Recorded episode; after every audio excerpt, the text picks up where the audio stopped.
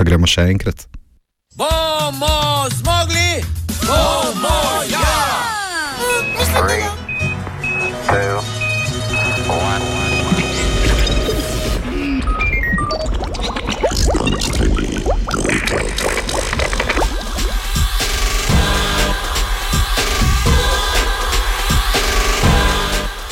Proizvodnja sladkorja v vesolju.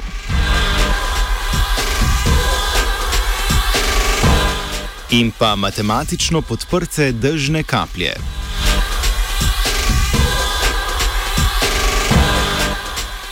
Leta 2017 bodo znanstveniki v orbito izstrelili satelit, ki bo imel prav posebno nalogo. Z njim bodo namreč v vesolje poslali bakterije, ki bodo s pomočjo sončne energije iz vode in oglikovega dioksida proizvajale sladkor.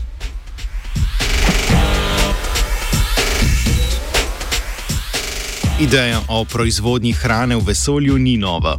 Astronautom je na mednarodni vesoljski postaji namreč že uspelo vzgojiti zeleno solato.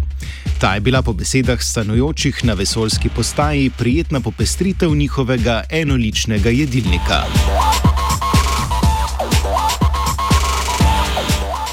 Glavna težava dostave hrane v vesolje je cena prevoza, ki za en kilogram doseže več kot 10 tisoč dolarjev. S proizvodnjo sladkorja v vesolju bi zmanjšali potrebo po redni dostavi hrane, prav tako pa bo proizvodnja hrane pomembna na daljših potovanjih po vesolju. Poskusno bodo bakterije, poimenovane Power Cell, v vesolje poslali leta 2017 z nemškim satelitom. S tem poskusom bodo preizkusili odpornost omenjenih bakterij na visokoenergijska sevanja v vesolju. Prav tako bodo preverili, ali lahko bakterije proizvajajo sladkor kljub manjši gravitaciji, kot je prisotna na Zemlji.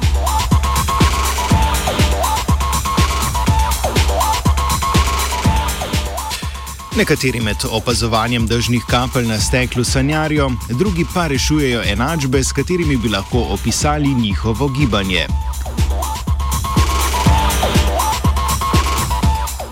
Matematiki so dolgo časa predpostavljali, da ima drsenje pri gibanju tekočine po trdni površini dovolj majhen učinek, da ga pri računanju lahko zanemarijo.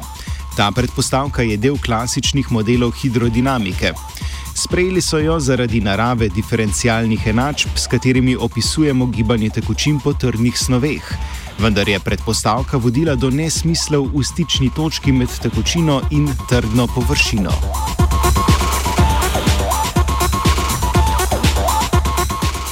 Zato so matematiki sprejeli dve novi predpostavki. To omogoča veliko boljši fizikalni opis procesa. Na mikroskopski ravni model gibanja kapljice po trdni površini upošteva ulogo drsenja, na makroskopski ravni pa lahko drsenje pri računanju gibanja zanemarimo.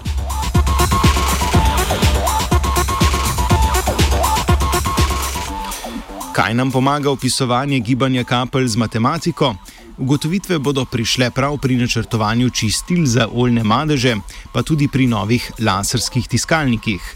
Tako bo opazovanje dežnih kapelj dobilo povsem nove razsežnosti.